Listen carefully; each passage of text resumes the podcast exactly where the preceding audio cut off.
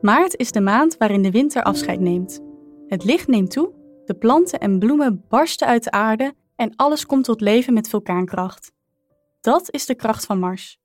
Hoe pakt dat uit als Mars in tweelingen staat en zich verbindt met de planeet Neptunus? Luister verder en ontdek het in jouw horoscoop voor maart.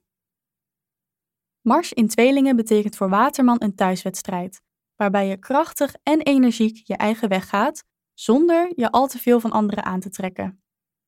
Niet dat je egoïstische trekjes krijgt, gewoon je eigen plan volgen en daar enorm van genieten is voldoende. Voor Waterman is er immers niet zo fijn als je vrij en onafhankelijk voelen. Partners vinden dat nog wel eens lastig, dus misschien is het goed om er samen over te praten. Dat jouw behoefte aan ruimte niet ten koste gaat van de liefde.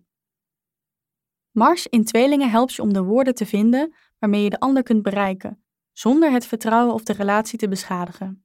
Deze stand is ook een stimulans voor sportieve talenten.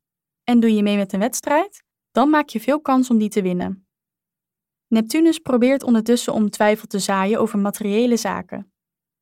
Daardoor zou je je zorgen kunnen maken over geld terwijl dat niet nodig is. Of je smijt het zorgeloos over de balk terwijl je het niet hebt. Het kan zelfs zijn dat iemand probeert om je geld af te nemen. Gewoon goed op blijven letten. Bedankt voor het luisteren. Wil je je maandhoroscoop nooit meer missen?